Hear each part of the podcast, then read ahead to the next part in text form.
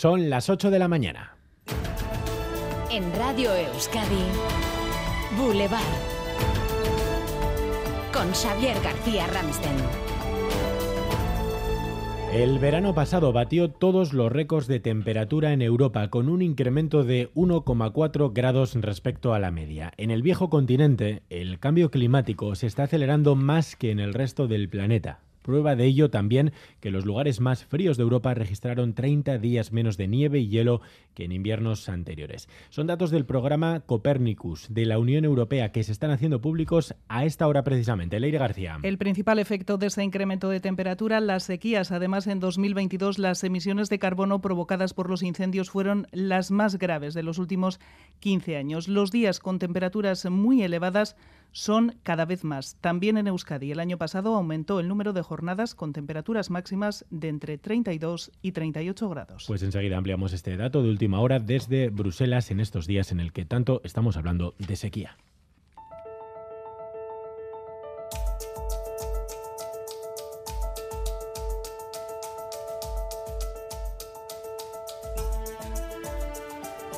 El Congreso de los Diputados va a aprobar esta mañana la reforma de la ley del solo sí es sí, una ley que ha permitido la rebaja de condena de casi mil agresores machistas. Efectos indeseados de la norma dicen que ya no podrán ser corregidos. Maider Martín. 978 rebajas de pena y 104 excarcelaciones en todo el Estado. Datos a 31 de marzo y desde que entró la norma en vigor en el país se traducen a 217 revisiones entre los tribunales supremos de País Vasco y Navarra y las respectivas audiencias provinciales que han supuesto la rebaja de 77 condenas y 8 excarcelaciones, 6 dictadas por la Audiencia de Vizcaya y 2 por la de Araba. La propuesta de reforma que saldrá adelante es del PSOE y cuenta con el apoyo del PNV y el Partido Popular. Unidas Podemos y el resto de socios dicen que supone volver al modelo anterior. Hoy el Congreso, por cierto, va a aprobar también el documento de la nueva ley de vivienda. Entonces veremos eh, si invade competencias vascas. Será uno de los asuntos por los que preguntaremos dentro de una hora al portavoz del gobierno vasco, Bingen Zupiría,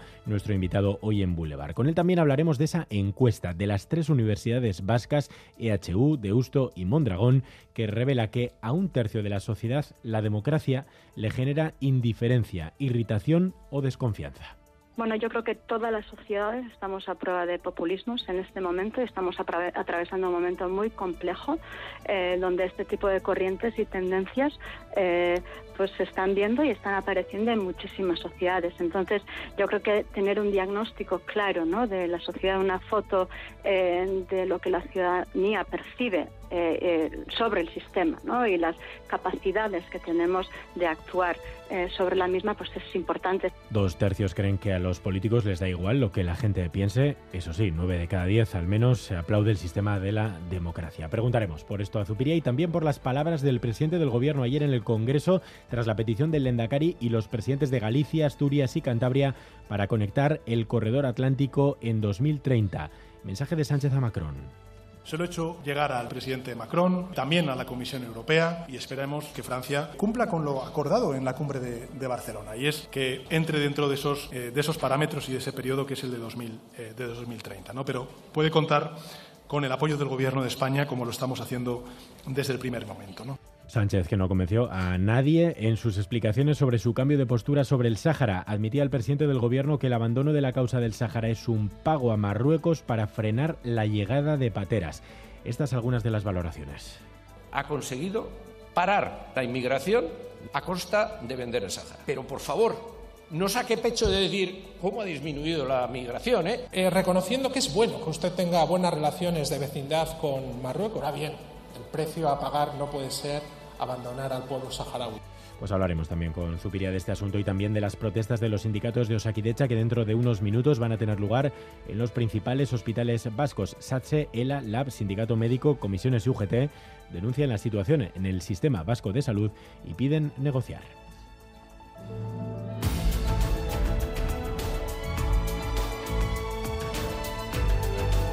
Además, hoy el Parlamento Vasco abordará las recomendaciones del Ararteco no contestadas por el Gobierno vasco. Lo hará a propuesta del Carrequín Podemos Izquierda Unida, que presenta una proposición no de ley. Hace unas semanas el defensor del pueblo expresaba su preocupación por la falta de respuesta de algunas instituciones vascas ante sus actuaciones. Lo hacía durante la presentación del informe que recoge el balance de su actividad durante el año 2022. El Gobierno vasco, la patronal y los sindicatos desde la mesa del diálogo social van a impulsar un pacto de país por los cuidados. Además, estudiarán medidas para reducir el paro entre los mayores de 45 años. En Euskadi hay 60.000 personas a partir de esa edad que están desempleadas y la situación se agrava a partir de los 50. En la reunión de la mesa participaban Confebas y los sindicatos Comisiones Obreras y UGT. Joe Biden recibirá a Pedro Sánchez en la Casa Blanca el 12 de mayo. Se prevé que, entre otras cuestiones, aborden la evolución de la guerra en Ucrania o la presidencia española del Consejo de la Unión Europea, una visita que va a coincidir con el inicio de la campaña electoral. Y la Archancha ha detenido a cinco hombres por su presunta vinculación con los incidentes previos al partido entre la Real Sociedad y la Roma. Los hechos ocurrieron el pasado 16 de marzo ante el estadio de Anoeta. Las detenciones se han practicado en Donostia, Arrasate, Lezo y Durango. Los arrestados tienen entre 27 y 41 años. La operación continúa abierta. Titulares del deporte, Álvaro Fernández, Cadierno Egunon. Hola Egunon, baloncesto, nueva victoria de Basconia en la liga para seguir de líder. Los de Peña Roya vencían en el Buesa Obradoiro por 110 a 94. Hoy toma el relevo Lointe Guernica, partido de ida de los cuartos de final de los playoffs por el título. Las vizcaínas se miden en Maloste al Zaragoza a partir de las 8 y en ciclismo victoria para Pogachar en la flecha balona Miquelanda en gran estado de forma terminaba tercero. Boulevard. Lural de Bus nos ofrece la información del tiempo. Lural de Bus, a donde vayas, vamos contigo. Pues sigue sin llover, aunque parece que se acercan algunas nubes. Euskalmet, Egusquiña y Turrio, Egunon. Egunon, hoy esperamos un progresivo aumento de la nubosidad. En el litoral el viento se irá fijando del oeste y noroeste y poco a poco irá entrando nubosidad baja. En el interior el viento también se fijará del norte-noroeste, lo hará un poco más tarde, pero también iremos viendo algunos intervalos nubosos. No obstante, pese a la nubosidad, el tiempo seguirá siendo seco, no esperamos precipitaciones. Las temperaturas máximas descenderán un poco, pero aún así seguiremos con tiempo primaveral, con máximas por encima de los 20 grados. Temperaturas esta hora tenemos 13 grados en Bayona, 11 en Donostia, Bilbao y Vera, 10 en Laudio, 9 en Beasain, 8 en Durango, 6 en Iruña y 4 en Gasteiz. Aupa, egunon, se está 12 grados. Venga, ur. Egunon, irunen amar grado, ostegunon esan. Egunon, gaur zegaman, amar gradu eta oskarbi egunona izan. Kaixo, egunon, en los arcos estamos a 6 grados.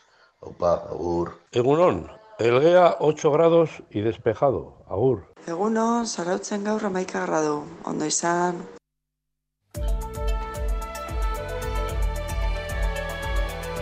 Boulevard. Tráfico. Sin problemas en carreteras. Turno de tarde en el hospital. Ocho horas me esperan.